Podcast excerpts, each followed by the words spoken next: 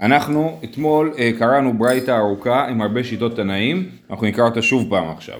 בדף י"ד עמוד ב', השאלה היא האם אנחנו אומרים הולך כזכה או לא, זאת אומרת שאדם עולה, אומר לשליח שלו תוליך משהו למישהו, כאילו הוא כבר אמר לו תזכה בשביל המישהו הזה, ואז מה המשמעות של זה? זה שאי אפשר להתחרט, כן? או שאני אומר הולך זה לא כמו זכה, ואז נתתי לשליח משהו, אמרתי לו תוליך את זה לפלוני, ואז אמרתי לו אתה יודע מה בעצם עזוב, לא רוצה להוליך לפלוני, כן? משהו כזה. אז האדם נותן מתנה, שולח מתנה לחבר שלו, האם הולך כזכה דמי או לא. אומרת הגמרא, לימה הולך כזכה תנאי, דתניא, הולך מנה לפלוני והלך וביקשו, וביקשו ולא מצאו. יחזרו למשלח, כן? אז אם הוא לא מוצא, יחזור למשלח. למה? כי זה הולך, זה לא כמו זכה, כי, כי הוא אומר, אם לא מצאת את פלוני, תחזור, אל תיתן את זה ל, ליורשים. אם היינו אומרים הולך כזכה, אז היה יורד ליורשים. ברגע שמת מת, מת, מת מי ששלחו לו, נכון? הלך וביקשו למוצאו, יחזרו, אז היינו אומרים שזה ילך ליורשים. אז, אז זה שאומר יחזרו למשלח, סימן שהולך לא כמו זכה. מת משלח, רבי נתן ורבי יעקב אמרו, יחזרו ליורשי משלח. ויש אומרים, עכשיו, יש אומרים, ההבנה היא שהם חולקים על תנא קמא, לא על אה, אה, רבי נתן ורבי יעקב. זאת אומרת, יש אומרים מדברים גם במקרה שהמשלח חי, ולא רק במקרה שהמשלח מת. והם אומרים בכל אופן מביאים את זה ליורשי מי שנשתלחו לו. אז המחלוקת בין תנא קמא לבין היש אומרים היא האם הולך כזכה דמי או לא. לפי תנא קמא הוא אומר לו תלך תביא מתנה למישהו והוא לא מוצא אותו מחזיר לו משלח כי הולך זה לא כמו זכה. ולפי יש אומרים, אם הוא לא מוצא את, השלי, את מי שנשתלחו לו כי הוא מת, אז הוא מביא את זה ליורשים שלו, כי הולך זה כן כמו זכה. זאת המחלוקת. ויש לנו עוד מחלוקת, מה קורה כאשר מת, המש, מת המשלח. כן? אז רבי נתן ורבי יעקב אומר זה לא משנה אם המשלח חי או מת, בכל אופן זה חוזר או למשלח או ליורשים שלו, כן? יש אומרים אומרים בכל אופן מביאים את זה ליורשי מי שנשתלחו לו. רבי יהודה הנשיא אומר משום רבי יעקב שאמר משום רבי מאיר מצווה לקיים דברי המת. זאת אומרת, הוא אומר, אמ, אמ, באמת, אם המשלח בחיים, תחזיר למשלח. אבל אם המשלח גם כן מת, אז יש לך מצווה לעשות מה שהמת אמר. המת אמר להביא את זה לפלוני, פלוני מת, תביא את זה ליורשים שלו. לא, לא שכיב מרע, יש פה שתי דברים, זה דומה אבל זה מבלבל. יש לנו דברי שכיב מרע, ככתובים כמסורים דמי. כששכיב מרע אומר משהו, לא צריך לעשות על זה קניין, וזה כבר, הקניין יתבצע באמירה. חוץ מזה יש לנו מצווה לקיים דברי המת. מי שאמר משהו ומת, והוא לא היה שכיב מרע, כן?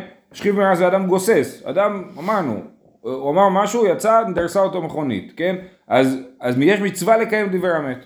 אוקיי? אז זה מה שרבי יהודה הנשיא אומר משום רבי מאיר, שאמר משום רבי עקיבא שאמר משום רבי מאיר, מצווה לקיים דבר המת. זאת אומרת, בעיקרון תחזיר את זה למשלח. אבל אם המשלח מת, אז תעשה מה שהמשלח אמר ותביא את זה למי שהשתלחו לו. אה, וחכמים אומרים יחלוקו, המשלח, יורשי המשלח עם יורשי המשתלח, וכאן אמרו, כל מה שירצה שליח יעשה, והסברנו שהכוונה היא שהוא צריך להעריך בדעתו מה הדבר הנכון, מה הייתה הכוונה האמיתית של המשלח, האם המשלח התכוון שאני אביא את זה ליורשים של השליח, של המשלח או של מי שנשתלחו לו, כן? השליח צריך להחליט בזה, זה פשוט דרך אחרת אה, לפתור מצב של ספק. ואז יש לנו סיפור, אמר רבי שמעון הנשיא, על ידי היה מעשה ואמרו יחזרו ליורשי המשלח כמו שיטת רבי נתן ורבי יעקב.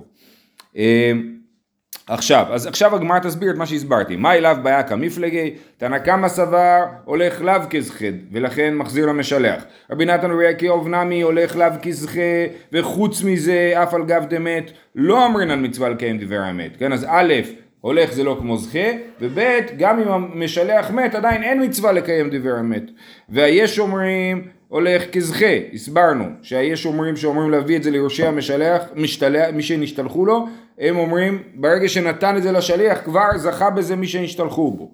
רבי יהודה הנשיא אמר משום רבי יעקב שאמר משום רבי מאיר שהוא אמר אה, מצווה לקיים דבר המת, כן? אז הוא אומר הולך זה לא כמו זכה, מיועיך דמת המשלח אמרינן מצווה לקיים דבר המת. וחכמים אומרים יחלוקו מספקא להו וכאן אמרו שודה עדיף כן, אז המחלוקת בין החכמים לבין כאן אמרו זה מה לעשות במצב של ספק. לפי חכמים, מה עושים במצב של ספק? יחלוקו, כמו טלית שכולה שלי, נכון? זאת מרקולה שלי, זאת מרקולה שלי, יחלוקו.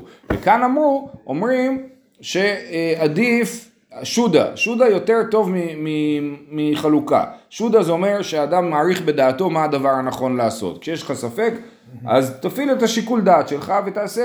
אז יחלוקו זה סוג אחד של פתרון, ושודה זה סוג אחר של פתרון, וזה המחלוקת ביניהם. ואז רבי שמעון הנשיא, מעשה הטלה שמועינן, ובסוף רבי שמעון הנשיא מביא סיפור שמוכיח כשיטת רבי נתן ורבי יעקב. אה, אומרת הגמרא, הנה אז כל זה היה ניסיון לטעון שהשאלה האם הולך כזכי דמי זה מחלוקת תנאים. אומרת הגמרא לא, מה פתאום, בבריא דכולי עלמא לא פליגי שהולך זה לא כמו זכי דמי, כן? זאת אומרת הברייתא הזאת בכלל לא מדברת על אדם בריא אלא על שכיב מרע. אדם בריא זה לא הסיפור, שם אנחנו רואים הולך זה לא כמו זכה. אבל בשכיב מרע, אה, אה, אחא מה עסקינן בשכיב מרע ובפלוגתא דרבי אלעזר ורבנן כמפלגי, מה המחלוקת של רבי אלעזר ורבנן? דתנן המחלק נכסיו על פיו, זה אדם שרוצה לחלק את הנכסים על פיו ולא על פי חוקי הירושה, זאת אומרת הוא הולך למות, הוא, הוא, הוא אומר אני לא רוצה שהבכור ייקח פי שניים, אז מה הוא עושה? הוא מחלק מתנות מהר לפני שהוא ימות, ועכשיו הבכור יקבל פי שניים ממה שיישאר, אם יישאר משהו, כן? אבל, אבל, זאת אומרת האדם לא יכול להגיד אני לא רוצה שיהיה ירושה מה שהוא יכול לעשות זה לחלק מתנות לפני שהוא מת. אז המח... זה לא כאילו הוא אומר אני לא רוצה דין ירושה? אה, זאת שאלה, החזון איש אמר להשאיר בסוף קצת כסף שיתחלק על פי דיני ירושה. כדי לקיים מצוות ירושה. כן, ככה אמר החזון איש. כן, זה סיפור מורכב דרך אגב, כי החוק במדינה הוא לא כמו ההלכה בדבר הזה. אז אם אדם לא חילק את נכסיו, אז יחלקו את הנכסים שלו כנראה על פי החוק, וזה נגד ההלכה, זה, זה דבר בעייתי כאילו. אה, אה, אז זה שנשים יורשות? גם, נשים, בת זוג, אה, בכל יורש פי שניים, כל החוקים, כל חוקי ההלכה וחוקי המדינה פשוט שונים לגמרי. זה עוד סיבה רפורמה משפטית. לא, לא, זה, זה לא קשור. זה, הפתרון הוא לעשות את זה, לחלק את נכסיו על פיו, כן? וזה מסובך, כי לכתוב צוואה שהיא תקפה הלכתית ותקפה חוקית, צריך לקחת גם עורך דין וגם רב, כן? אז זה מורכב. מה? אתה כבר מת, כן, אבל אתה רוצה ש... אבל נכון, אבל זה יכול לייצר ויכוחים בין המשפחה. אה, הוא זוכה למצווה של ירושה. זו שאלה טובה, שאלה טובה, אם הוא זוכה אחרי מותו לקיים מצווה ירושה כמו שצריך. אה, אוקיי, אז מה המחלוקת? המחלק נכסיו על פיו, רבי אלעזר אומר, אחד בריא ואחד מסוכן, נכסים שיש להן אחריות נקנים בכסף שטר וחזקה, ושאין להן אחריות אין נקנים אלא במשיכה. בגדול רבי אלעזר אומר, אין כזה דבר דברי שכיב מרע. שכיב מרע הוא כמו כל בן אדם, מי שמחלק נכסיו על פיו צריך לקנות את הנכסים בקניין רגיל, כמו שקונים נכסים. נכסים מטלטלים, במשיכה, קרקעות, בדרכים שקונים קרקע. וחכמים אומרים, לא. אלו ואלו נקנים באמירה, כי דברי שכיב מרעה ככתובים וכמסורים דמי, כן? דברי שכיב מרעה זה כאילו עשינו קניין. אז זה המחלוקת שלהם, האם בכלל יש גדר של דברי שכיב מרעה? אמרו לו, בתוך הוויכוח על השכיב מרע, אמרו לו מעשה באימן של בני רוכל, שהייתה חולה, ואמרה תינתן קבינתי לביתי והיא בשנים עשר מנה, ומתה וקיימו חכמים את דבריה. היה לה איזושהי סיכה מאוד מאוד יקרה שהייתה שווה 12 מנה וככה על ערש דווי אמרתי נתן כבנתי לביתי, כי ביתה לא יורשת אותה, נכון? אז מה שייתנו לה את זה, ואז היא מתה וחכמים קיבלו דבריה, מה זה מוכיח? ש... אה, שדברי שכיב מרע ככתובים כמזורים דמי, לא כמו רבי אלעזר. אמר להם, בני רוכל תקברם עמם. עכשיו זה מצחיק, האמא מתה, כן? אז איך בני רוכל תקברם עמם? אבל בכל אופן הוא לא אוהב את בני רוכל. למה הוא לא אוהב בני רוכל? כי לדעתו הם לא מתנאים על פי ההלכה בעניין אחר, שלא ניכנס אליו עכשיו. אה, אה, אה, ולכן אין מה לדבר עליהם בכלל. אומר רש"י, לא דיברו עליהם בבית המדרש בגלל שהם לא בסדר, ובגלל שהם לא דיברו עליהם בבית המדרש, אין לנו לדעת שהמסורת הזאת היא אכן מסורת נכונה ומדויקת, שהיה פה דברי שכימר. טוב, אז עד כאן הציגו את מחלוקת רבי אלעזר ורבנן, איך זה קשור לברייתא, אז אמרנו, אז אנחנו אומרים ככה, תנא קמא שאומר ששכיב מרע שאמר כך וכך וזה, ואתה לא מוצא את, את, את הבן אדם, זה חוזר למשלח. למה זה חוזר למשלח? כי הוא חושב כרבי אליעזר, שאין כזה דבר דברי שכיב מרע. נכון שהוא, שהשכיב מרע אמר, אבל אין לזה משמעות. רבי נתן ורבי יעקב נמי כרבי אלעזר, שדברי שכיב מרע הם לא אה, ככתובים כמסורים, אף וחוץ מזה, אף על גב דמת לא אמרים לנו מצווה לקיים דברי המת, כן? כי הם אמרו אפילו אם הוא מת, מחזירים זה ליורשי המשלח, אז אין מצווה לקיים דברי המת. ויש אומרים כרבנן. יש אומרים שאמור שבכל אופן, גם אם המשלח בחיים וגם אם הוא לא בחיים, זה, נותנים את זה ליורשי מי שנשתלחו לו, כן? אז הם כרבנן שאומרים דברי שכיב מרע ככתובים וכמסורים דמי. ורבי יהודה הנשיא, שאמר משום רבי מאיר, אה, הוא אמר למצווה לקיים דברי אמת, אה, הוא חושב כרבי אלעזר שאין דברי שכיב מרע ככתובים וכמסורים, אבל אם אם השכיב מרע מת, אז כן תיתן את זה למי שהוא אמר, כי זה מצווה לקיים דברי אמת. מי הוא איכא דמית? אמרינן מצווה לקיים דברי אמת. וחכמים אומרים, יחלוקו מספקא לו, וכאן אמרו שוד העדיף, הסברנו את הדבר הזה, אז מה עושים במצבים של ספק? ורבי שמעון הנשיא, מעשה עתה להשמועינן. זהו, סיימנו. אז רצינו להגיד שהמחלוקת היא בבריא ובהולך כזכי דמי או לא, והגמרא דוחה את זה ואומרת לא, המחלוקת היא בשכיב מרע, האם שכיב מרע דבריו הם באמת כאילו נעשו קניין או לא כאילו נעשו קניין. שואלת הגמרא, היא באה אלוהו, רבי שמעון הנשיא, נשיא הוא או משמי דנשיא כאמר? אנחנו לא מכירים בן אדם שקוראים לו רבי שמעון הנשיא, כן?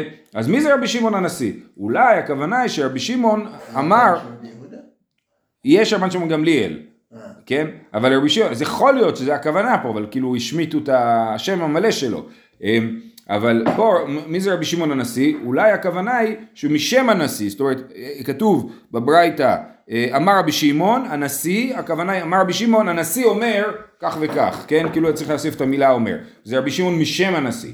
תשמע, בואו, אנחנו לא יודעים, בואו ננסה להוכיח. דאמר רבי יוסף הלכה כרבי שמעון הנשיא. אז משמע שזה רבי שמעון הוא באמת נשיא. אומרת הגמרא לא, גם על זה, זה לא מוכיח, עדיין תיבאי לך נשיא או דקאמר משמי דנשיא, כן? הלכה כרבי שמעון שאמר בשם הנשיא, אז, אז לכן אי אפשר אה, לדעת, תיקו. גופה אמר רבי יוסף הלכה כרבי שמעון הנשיא והקיים על דברי שכיב מרע ככתובים כמסורים דמו אתה אומר הלכה כדברי רבי שמעון הנשיא מה רבי שמעון הנשיא אמר? יחזרו ליורשי המשלח רגע אבל אנחנו פוסקים להלכה דברי שכיב מרע ככתובים כמסורים דמו ואנחנו, ואם לפי העמדה האחרונה לפי העמדה האחרונה מה אנחנו אומרים? ש... אה, שרבי שמעון הנשיא פוסק שחוזרים ליורשי המשלח, זה אומר שאין דברי שכיב מאה ככתובים כמסורים דמו. אז איך אתה פוסק הלכה? זה שתי תרגי דסתרי. אומרת הגמרא, רב יוסף מוקילה בבריא. רב יוסף הולך לפי ההסבר הראשון של הברייתא, שהברייתא לא מדברת על שכיב מרע, אלא מדברת על בריא. אוקיי, ואם בריא אמר משהו, הולך לא כזכי דמי וזה חוזר למשלח. ואם המשלח מת, עדיין זה חוזר ליורשי המשלח. אומרת הגמרא, ועל ליורשי משלח כאמר, וקיים על המצווה לקיים דברי המת, אה, אנחנו כן פוסקים על המצווה לקיים דברי המת, ואם המשלח מת, אז לכאורה אנחנו צריכים לתת את זה ליורשי אה, מי שנשתלחו לו, כי צריכים לעשות מה שהמת, מה שהמת אמר.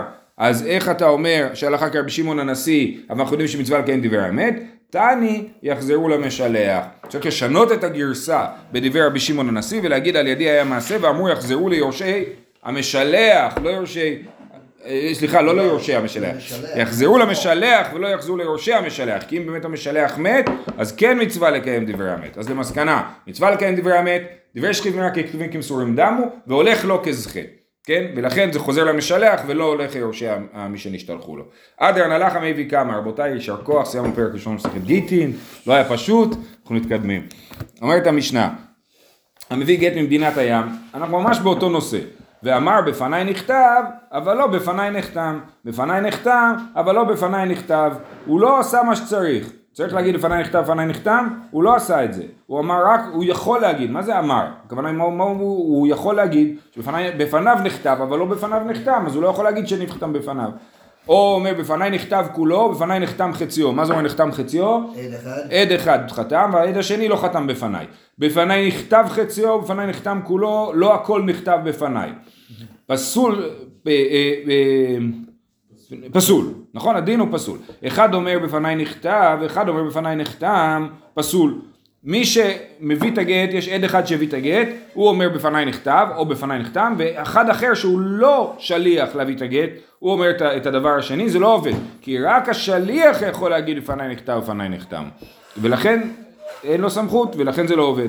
שניים אומרים בפנינו נכתב, ואחד אומר בפניי נחתם, פסול. גם פה צריך להסביר שאותו אחד שאמר בפניי נחתם הוא לא שליח, אז אין לו סמכות להגיד בפניי נחתם. אז השניים שאמרו בפנינו נכתב זה לא מספיק טוב, כי אנחנו צריכים גם עדות על החתימה.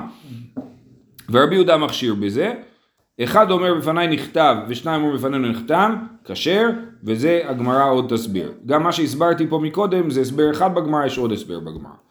אה, אומרת הגמרא, אטו למה לי, התנא לי חדא זימנם, וגדעת האמצע שאמר בפניי נכתב בפניי נחתם, למה? יש לנו את המשנה הזאת, היא מיותרת, אמרנו שצריך להגיד, בפניי נכתב בפניי נחתם, אז מה אני צריך להגיד עוד משנה? אומרת הגמרא, היא הווה מן הצריך, והיא לא אמר כשר. צריך והיא לא אמר כשר כמה שמלן שלא. היינו יכולים לחשוב שצריך להגיד לפני נכתב לפני נחתם, אבל אם הוא לא אמר זה, זה לא נורא, זה בסדר. לכן באה המשנה הזאת בפרק ב' ואומרת, אם הוא לא אמר, הגט פסול. כאילו גם בדיעבד. גם בדיעבד, בדיוק. אה, אומרת הגמרא, בפניי נכתב, בפניי נכתב חציו, בפניי נחתם כולו, פסול. היי חציו, אילמה חציו ראשון, מה, אני בא, העד אומר, השליח, הוא אומר, כשאני הגעתי, חצי מהגט היה כתוב, אז הוא לא נכתב בפניי, ובפניי כתבו את כל החצי השני ואת החתימות, כן? אז זה לכאורה, אה, אה, זה, שנייה, זה מקרה אחד, זה נקרא שהחציו השני נכתב בפניו, נכון? אבל אם החציו הראשון נכתב בפניו, אז זה אומר שאני הגעתי, התחילו לכתוב את הגט, יצאתי באמצע, אמרתי להם שלום אני הולך, הם סיימו לכתוב את הגט, חזרתי ואז היו חתימות, כן? אז היי חציו, אילה עם החציו הראשון, ואמר רבי אלעזר, אפילו לא כתב בו אלא שיטה אחת לשמה, שוב אינו צריך. אמרנו, למדנו את זה בפרק הראשון, שאם הוא אומר, בפניי כתבו את השורה הראשונה, אחרי זה הלכתי והם סיימו לכתוב את הגט, זה כשר, כי ראיתי שהתחילו לכתוב לשמה, ואני מניח שהמשיכו לכתוב לשמה, ואחרי זה הוא רק צריך להעיד גם על חתימה. אז אם אני ראיתי תחילת כתיבת הגט, זה כאילו ראיתי את כל הגט, אז אני אומר לפניי נכתב, לפניי נחתם. אבל אם הגעתי וראיתי את החצי השני, אז זה בעייתי, כי לא ראיתי איך התחילו את הגט, כן? אלא מר בשי חציו האחרון, כן? על זה המשנה מדברת, שאם הוא אומר בפניי נכתב חציו האחרון, ובפניי נכתב, נחתם אז זה פסול.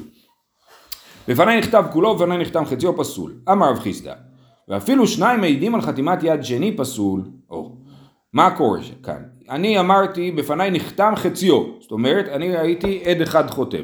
באים שני עדים ומעידים את החתימה השנייה, אנחנו מזהים, אנחנו יודעים, מכירים את העד הזה והוא עד כשר, אז כאילו יש פה קיום שטרות, זה כאילו הם קיימו את הגט.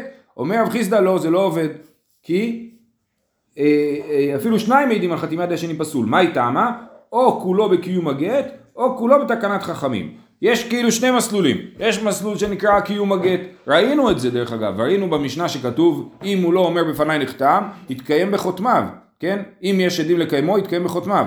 אז אפשר לקיים את הגט על ידי שני עדים, אבל אפשר להגיד בפניי נכתב, בפניי נחתם, וזה כאילו שני מסלולים נפרדים. אתה לא יכול בגט אחד ליישם את שני המסלולים. להגיד על, על חתימה אחת אני אומר בפניי נחתם, ועל חתימה שנייה אני עושה קיום הגט. או כולו קיום הגט או כולו תקנת חכמים. מתקיף לרבה, איך זה יכול להיות מה שאתה אומר? מאיכא מידי, דאילו אמר חד כשר, אשתא דיקא תרי פסול, איך זה יכול להיות שעד אחד, אנחנו, כאילו, העניין שבפניי נכתב, בפניי נחתם זה כולה, שאנחנו יכולים לסמוך על עד אחד שאומר בפניי נחתם, כן? אז אתה אומר פה, אני כאילו לא משתמש בכולה, אני לוקח שני עדים שיגידו שבפניהם נחתם חצי מהגט, יד חתימה אחת, לא בפניהם נחתם, שהם רואים, מזהים, מקיימים את החתימה, איך זה יכול להיות שזה פסול? זה לא הגיוני. אני לא השתמשתי בקולה, אז נשארתי בחומרה, אז הכל בסדר, אז למה זה יהיה פסול? אה, רב חיסדא, אני חושב שיש ביניהם אה, פער. אה, רב חיסדא הוא תלמיד של רב, זה דור שני, ורב הוא רביעי. זה לא אומר שלא נפגשו, כן? זה רק אומר שהם רחוקים יותר.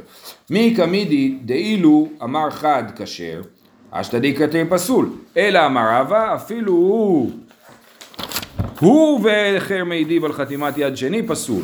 אז מה הסיטואציה שרבא מתאר? אני בא ואומר, בפניי נכתב, נחתם חציו, ועל החתימה השנייה אני לא הייתי שם כשחתמו, אבל אני מזהה את החתימה, מכיר את העד, ויש לי עוד עד שמכיר את החתימה, אז אנחנו שני עדים, על זה, זה פסול, כן? אה, מה היא תמה? אטו להחלופי בקיום שטרות דעלמא, וכנפיק נקי ריבא דממונה פורמא דחד סעדה. אה, זה לא בסדר, למה? בגלל שכבר ראינו את זה גם בפרק א', שיבואו להתבלבל בין הדרך שבה אני מקיים גט, לבין הדרך שבה אני מקיים אה, אה, שטרות רגילים. כן? יגידו, אה, אפשר לעשות את זה גם בשטר רגיל, את הקטע הזה, שאני אומר על חתימה אחת בפניי נחתם, ועל החתימה השנייה אני מביא עוד עד, וביחד אנחנו מעידים שאנחנו מכירים אותה. למה, למה זה בעיה? כי אז כאילו, כאילו כשיש לי אה, אה, שטר חוב, ואז אני אה, מקיים אותו, אז שני עדים, כל אחד, שני עדים מעידים על חתימה אחת ועל החתימה השנייה. אז בעצם יוצא שעל ידי כל עד יוצא 50% מהכסף, כאילו, כאילו אם מחלק לשטר לשניים, יש לי פה שני עדים, אז עד אחד מעיד על חצי מהכסף, עד שני מעיד על חצי מהכסף. אבל אם אני אומר, יש לי פה עד אחד שמעיד על חצי מהכסף, והוא גם מעיד על החתימה השנייה, נכון? הוא אומר בפניי נחתם על החצי מהכסף, על חצי מהשטר, והוא אומר על, על החתימה השנייה, הוא אומר אני מצטרף לעד השני וביחד אנחנו חותמים, אז כאילו שלושת רבעי מהשטר מקוים על ידי עד אחד, ורבע מהשטר מקוים על ידי עד אחר.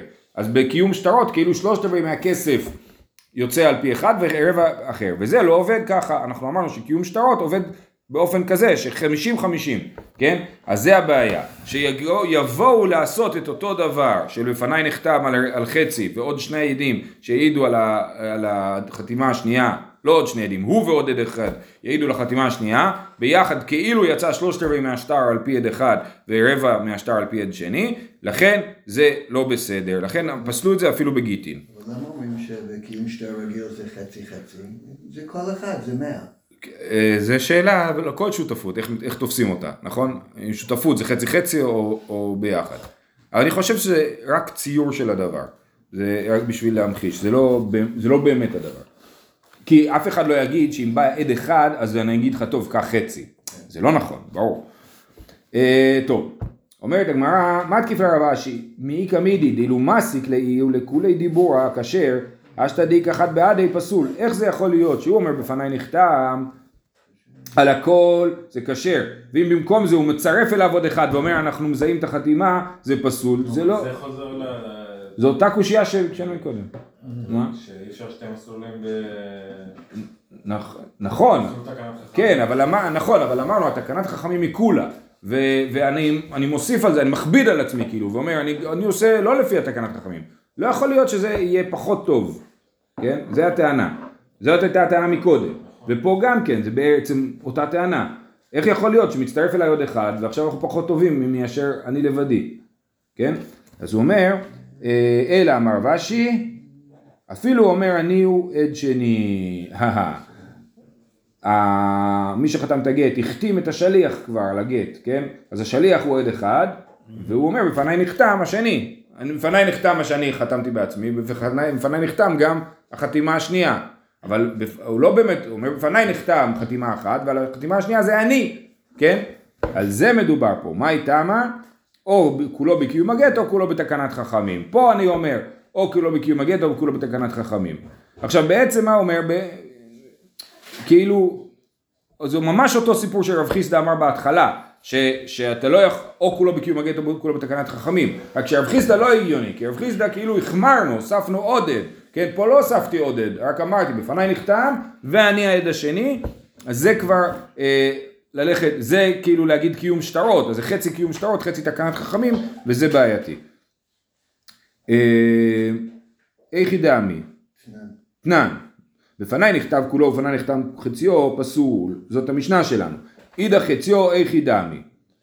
הגמרא תכף תסביר שברור שלא מדובר שהוא אומר בפניי נחתם כולו, בפניי נחתם חציו, ועל החצי השני לאף אחד אין עדות. זה ברור שזה פסול. ברור שהמשנה אומרת שפסול מדובר על זה שבפניי נחתם חציו ועל החצי השני יש עדות כלשהי, כן? אני רק לא יודע, עכשיו אני מנסה, המשנה מדברת על בפניי נחתם חציו, כן? ברור שהסיטואציה המשנה מדברת עליה זה שאני אומר בפניי נחתם חציו ויש איזושהי עדות על החצי השני, כן? ורק המחלוקת בין האמוראים היא איזה עדות מדובר שיש כאן, כן? אה, אה, אז רב חיסדא אמר אפילו שני עדים ורב אשי אמר אפילו הוא ועד אחד סליחה, רבא, ורב אשי אמר שהוא בעצמו העד הנוסף. כשהשליח אומר בפניי נחתם, אז תמיד היה עוד עד אחד במקום? לא, בפניי נחתם הוא בעצמו כשר להגיד בפניי נחתם לבד. על שני החתימות, שתי החתימות. פה הוא אומר רק על חתימה אחת. אז ברור שרב חיסדא צודק במובן הזה שהמשנה מדברת על סיטואציה שבה יש אישור גם לחתימה השנייה. השאלה היא רק איזה אישור יש. אם עם שני עדים, או הוא בעצמו ועוד עד, או הוא בעצמו הוא החותם, כן? אז לכן על זה צריך להגיד שהמשנה מדברת. אז אומרת הגמרא, תנן, בפניי נכתב כולו, בפניי נכתב חציו פסול, אידא חציו איכי דמי, אילא דליקא דקמא סידלי כלל, אם נגיד שאין שום עד, כמו שאמרתי, שאין אישור לחתימה השנייה, זה לא יכול להיות. השתא, אחד אומר בפניי נכתב, ואחד אומר בפניי נחתם. דהאי כמאסי דקולה כתיבה והאי כמאסי דקולה חתימה, פסול. אמרנו במשנה, שאחד אומר בפניי נכתב ואחד אומר בפניי נחתם, שאחד מהם הוא לא שליח, נכון? אז זה פסול. אז גם שטר שהוא לגמרי מאושר, הוא פסול. אז חציו מבעיה, אז ברור שאם אין עדות על חציו זה פסול. אלא חייבים לומר שאו כדרבה או כדרב אשי ולאפוקי מדרב חיסדא. לכן חייבים להגיד או שרבא צודק או שרב אשי צודק, אבל רב חיסדא בטוח לא צודק. למה רב חיסדא בטוח לא צודק? זאת שאלה מורכבת. רש"י פה מעריך מאוד. הטענה של רש"י היא להגיד אנחנו תמיד מחפשים את החידוש המינימלי. כן, צריך ללכת על החידוש המינימלי. רב חיסדא זה חידוש עצום. להגיד שאפילו שני עדים יפסלו את זה, אז זה חידוש עצום. וכיוון שאנחנו פה כאילו מדייקים מהמשנה ואומרים מדובר שיש אישור לחתימה השנייה, אם היינו רוצים להגיד שיש אישור ואפילו שני עדים, היינו צריכים לכתוב את זה במשנה. הדיוק הוא לא מספיק. זה שהמשנה לא כתבה את זה, וציפתה שנלמד את זה מדיוק, זה סימן שרב חיסדא טועה. כי לא היינו לומדים את מה שרב חיסדא אומר מדיוק, כי היינו יכולים ללמוד את מה שהרב אורבע אשי אמרו, שזה חידוש יותר קטן. בסדר? זה מחזיק לאורך כל הגמרא? זו שאלה טובה. אני מניח שרש"י בדק את כל הש"ס לפני שהוא אמר את זה. אה, אז אה, אומר ככה, כן? לאפוקי מדי רב חיסדא. אמר לך רב חיסדא, ולתמך בפניי נכתב, אף לא בפניי נחתם, למה לי? הרי המשנה אומרת, מתחילה מאמר, בפניי נכתב, אבל לא בפניי נחתם. בפניי נחתם, אבל לא בפניי נכתב. הרי בפניי נכתב, ואחרי זה היא אומרת, אחד אמר בפניי נחתם ואחד אמר בפניי נכתב. אז גם הרישא מיותרת. אלא מה אומר לך רב חיסדא? המשנה כתובה באופן מיותר באמת. ומה שאני אומר, שבפניי נחתם חציו ויש שני עדים, אני לא למדתי את זה מדיוק המשנה. אבל זה שהמשנה כותבת באופן מיותר, מוכיח שלא צריך לדייק. אם לא צריך לדייק, אז אל תגיד לי שלא אמרו את הדיוק שלי בתוך המשנה, זה מוכיח שהדיוק שלי לא נכון. כי אני לא דייקתי בכלל, אני אמרתי דין מנותק מן המשנה, ואני גם לא חושב שהמשנה רומזת אליו. ולכן מה שאני אומר הוא נכון. זאת אומרת, אם המשנה רומזת לדין שאני אומר, אז הדין שלי הוא באמת חידוש גדול, והייתה צריכה להגיד אותו. אבל אם המשנה לא רומזת אליו, אז, אה, אז, אז אין קושייה מזה שהיא לא רמזה אליו, כן? אה, יכול להיות כתוב בדף אחר בגמרא. מה? זה לא קשור למשנה. זה לא קשור, אני אומר את זה מעצמי, זה מה שהוא אומר, ותכף תראו שזו גישה שלו על החיים באופן כללי. אה, שהוא צודק. ש- לא, ש... אה, תכף.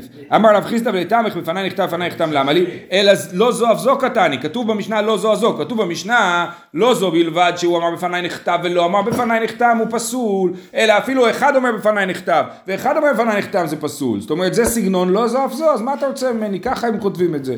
הכנמי לא זו אף זו קטני.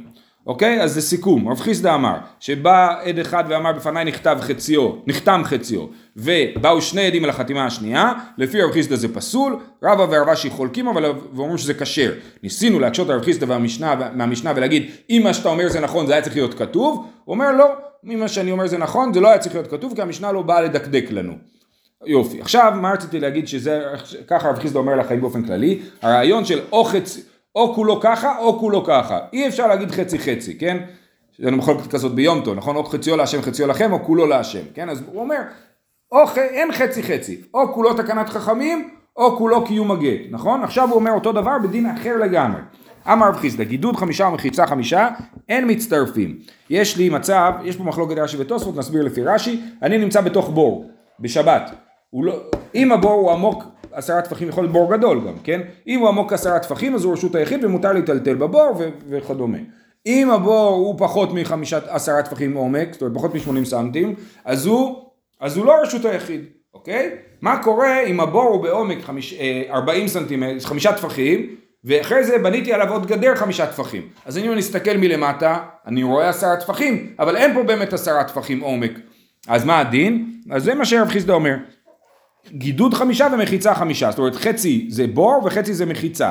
אין מצטרפין, עד שיהיה או כולו במחיצה או כולו בגידוד. אי אפשר חצי חצי, או כולו מחיצה או כולו גידוד. אם יהיה גדר של עשרה טפחים זה גם רשות היחיד. אם יש בור של עשרה טפחים זה גם רשות היחיד. אבל אתה רוצה לצרף פה בור וגדר, זה לא עובד.